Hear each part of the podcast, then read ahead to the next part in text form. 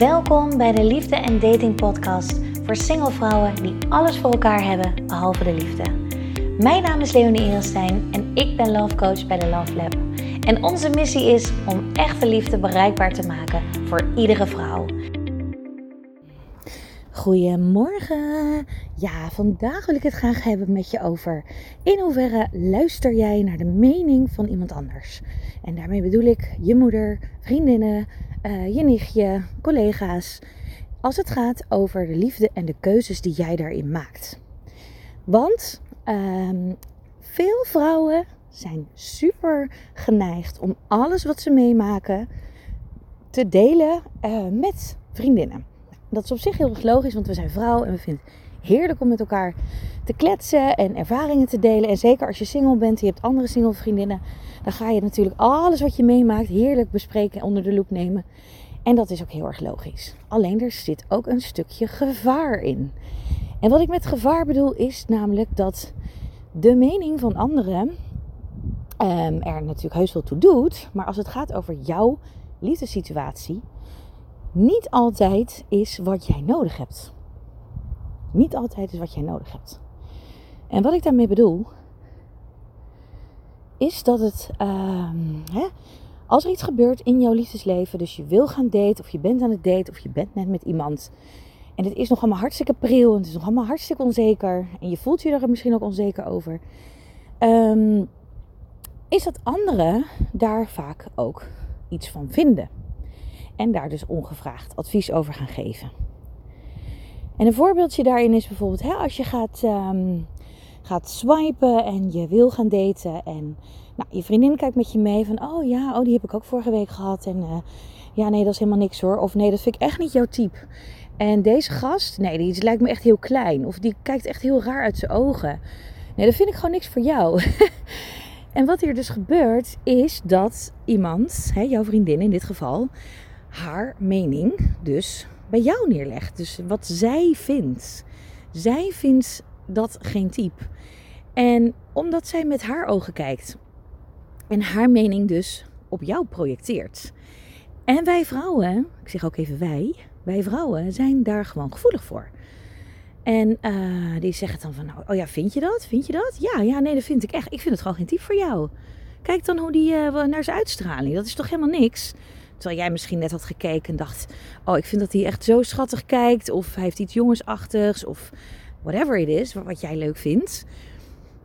En vriendinnen kunnen daar gewoon uh, een schepje bovenop doen door eigenlijk te zeggen dat je het niet moet doen. Nou, en voordat je het weet heb je iemand uh, de verkeerde kant op geswiped en is misschien de match made in heaven, jouw soulmate, uh, buiten beeld. En dit gaat ook over, over appcontact bijvoorbeeld, want dat is iets hè, van als je aan het appen bent en je laat het even aan anderen lezen. Is dat vrouwen daarin ook heel erg e-, vanuit emotie kunnen reageren? Snel vanuit drama, van nou, heeft hij dat gestuurd? Nou, dat zou ik echt nooit accepteren. Terwijl, weet ik veel, als hij heeft gezegd dat hij even geen tijd voor je heeft, omdat hij met vrienden voetbal gaat kijken of zo. Ik zeg maar even wat.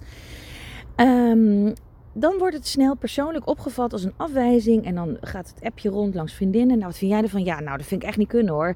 Jezus, uh, hij zal toch met je afspreken. En, uh, en dan, voordat je het weet, kom je in een drama-stuk terecht. Van, oh ja, nou ja, zij het ook zo vinden. Ja, nee, inderdaad. Dan heeft hij misschien uh, wel iets geschreven wat niet kan. Nou, dan ga ik er ook meteen even op reageren hoor. Van, nou, dan hoeft het van mij niet meer.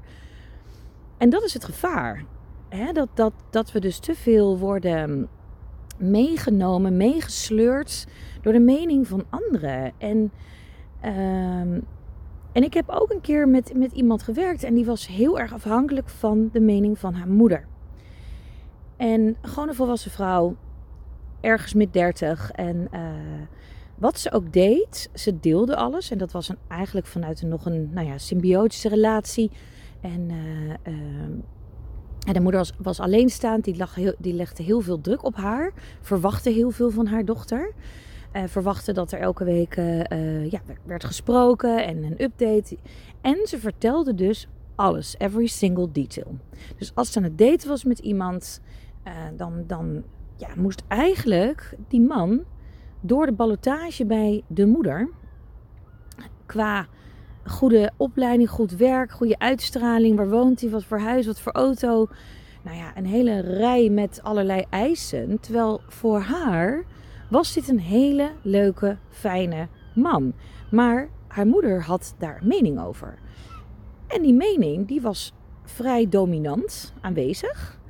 En, ehm, en voor haar begon dat dus heel zwaar te wegen. Dus ondanks het feit dat ze het heel erg leuk had met deze persoon, voelde ze de ogen van haar moeder in haar rug prikken.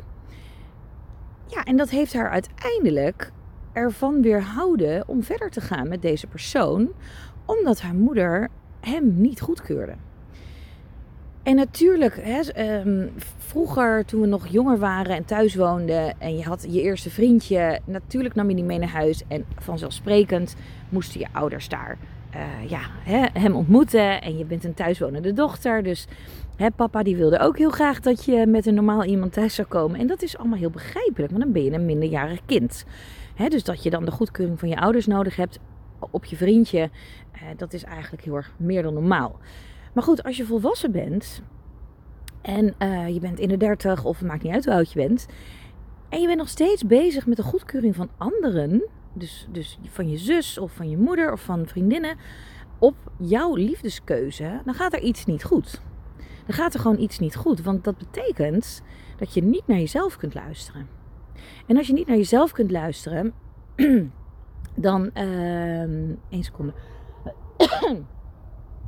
dan mis je dus hele belangrijke dingen. Dan mis je dus de signalen die jouw intuïtie jou geeft. En die jou eigenlijk vertelt wat je wel en wat je niet moet doen. Dus als jij met iemand contact hebt en het voelt goed, het klopt, je intuïtie zegt dat het oké is. Maar je omgeving vindt hem, nou ja, weet ik veel, een sukkel, uh, niet knap genoeg, uh, niet succesvol genoeg, uh, niet lang genoeg, niet um, breed genoeg, niet outgoing genoeg. Nou ja, ik weet niet wat er nog meer allemaal bij kan komen kijken, maar dit is een beetje mijn punt. Hè, van als anderen daar vervolgens een mening over hebben, maar jij bent heel gelukkig met iemand omdat het voor jou klopt en jouw intuïtie zegt dus dat het oké is maar als jij je laat leiden door de mening van anderen en daar niet tegen bestand bent, kan het maar zo zijn dat jij een potentiële leuke, fijne relatie um, down the drain flusht. Omdat de mening van anderen belangrijker is dan die van jezelf. En dit is echt een hele, hele, hele, hele belangrijke les. Don't listen to your friends. Echt niet. Niet op dat vlak. Tuurlijk mogen ze ergens even over meedenken, maar niet dat jij erdoor laat leiden. Want je, je, je hele brein en gedachtegoed wordt vertroebeld als jij elke dag opnieuw al jouw liefdesschizzel bespreekt met een bepaald groepje mensen die de beste intenties waarschijnlijk hebben. Want daar zeg ik niks over. Uh, alhoewel het ook in sommige gevallen kan zijn dat bepaalde vriendinnen of misschien zussen of, of wie dan ook, vooral vrouwen onderling, jaloers kunnen zijn. Want dat zie ik ook gebeuren. Dat er een stukje misgunnen bij zit. Van nou nee hoor, ik zou echt niet met hem. Hij lijkt me echt heel glad. Volgens mij is hij een notoire vreemdganger. Terwijl het een hele leuke vent is bijvoorbeeld. Maar ja, misschien heb jij wel uh, de, de, de lot uit de loterij te pakken. Iemand die jou heel leuk vindt en jij hem. Maar vinden jouw vriendinnen uh, dat ingewikkeld omdat ze zelf nog single zijn en het niet lukt in de liefde. En jij er met de hoofdprijs van doorgaat. En ze daar toch je onbewust of bewust in willen gaan saboteren. Ja, het klinkt heel nasty, maar het gebeurt gewoon wel. En hè, daarom is het zo belangrijk dat je uh, uh, blijft staan voor wie jij bent. Blijf staan voor je eigen keuzes. Doen wat voor jou belangrijk is. Luister naar je innerlijke gevoel. Laat je niet leiden door de mening van anderen. En andere vriendinnen hebben het misschien allemaal heel goed met je voor. En je moeder ook. Want in die end wil iedereen heus wel dat je gelukkig bent. Maar onthoud echt dat mensen van nature iets zeggen vanuit hun eigen projectie. Vanuit hun eigen belevingswereld. En dat geldt ook soms voor moeders, als die zelf uh, bijvoorbeeld nou ja, alleenstaand zijn, En tegen hun dochters dus vertellen dat je moet oppassen voor mannen, want iedereen gaat vreemd en uh, je kunt ze niet vertrouwen en et cetera. Dan is dat haar beeld van de liefde.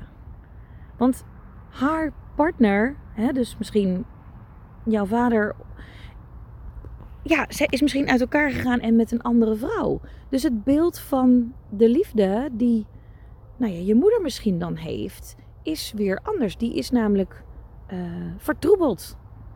Dat komt omdat ze zelf iets heeft meegemaakt, bepaalde pijn heeft ervaren en jou wil behoeden voor die pijn. En daarom zegt, ja, nee hoor, uh, mannen zijn echt uh, niet, niet betrouwbaar en ehm, je moet echt drie keer nadenken voordat je met iemand gaat. Want ja, ik weet er natuurlijk alles van.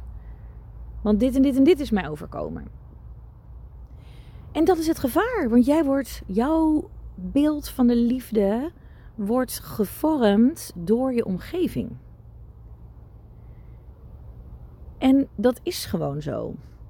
Dus alles wat je om je heen ziet, wat gaat over de liefde, meningen van anderen, Disney-films, alles draagt erbij aan hoe jij naar de liefde kijkt. En het gaat erom om echt terug te gaan naar jezelf, luisteren naar je intuïtie. Wat is voor jou belangrijk? Waar verlang jij van diep van binnen naar? Match dat met waar je nu mee bezig bent. En als je vastloopt in de liefde, dan bel je mij. Daar ben ik voor. nee, maar goed, weet je, kijk dan echt aan wie jij je verhaal vertelt. En kijk ook wie je nog meer in je omgeving hebt, die misschien wat verder van jouw situatie afstaat. Uh, of overleg het misschien een keer met een man, met een vriend van je broer of, of whoever. Om eens eventjes wat neutraler naar de situatie te gaan kijken. Want bij vrouwen komt eigenlijk altijd heel veel drama en emotie om de hoek kijken. En vanuit drama en emotie, bijvoorbeeld ook reageren op appjes, is nooit een goed idee. Dus voel wat jij nodig hebt. Ga echt eventjes bij jezelf die vraag stellen: wat heb ik nodig? Wat zegt mijn intuïtie? Wat is mijn volgende stap? En hoe ga ik dat doen? En zoom uit even van de situatie. dus als je met iemand bent en het loopt even niet lekker, niet meteen in de actiemodus. Even uitzoomen, voelen en daarna pas iets gaan doen.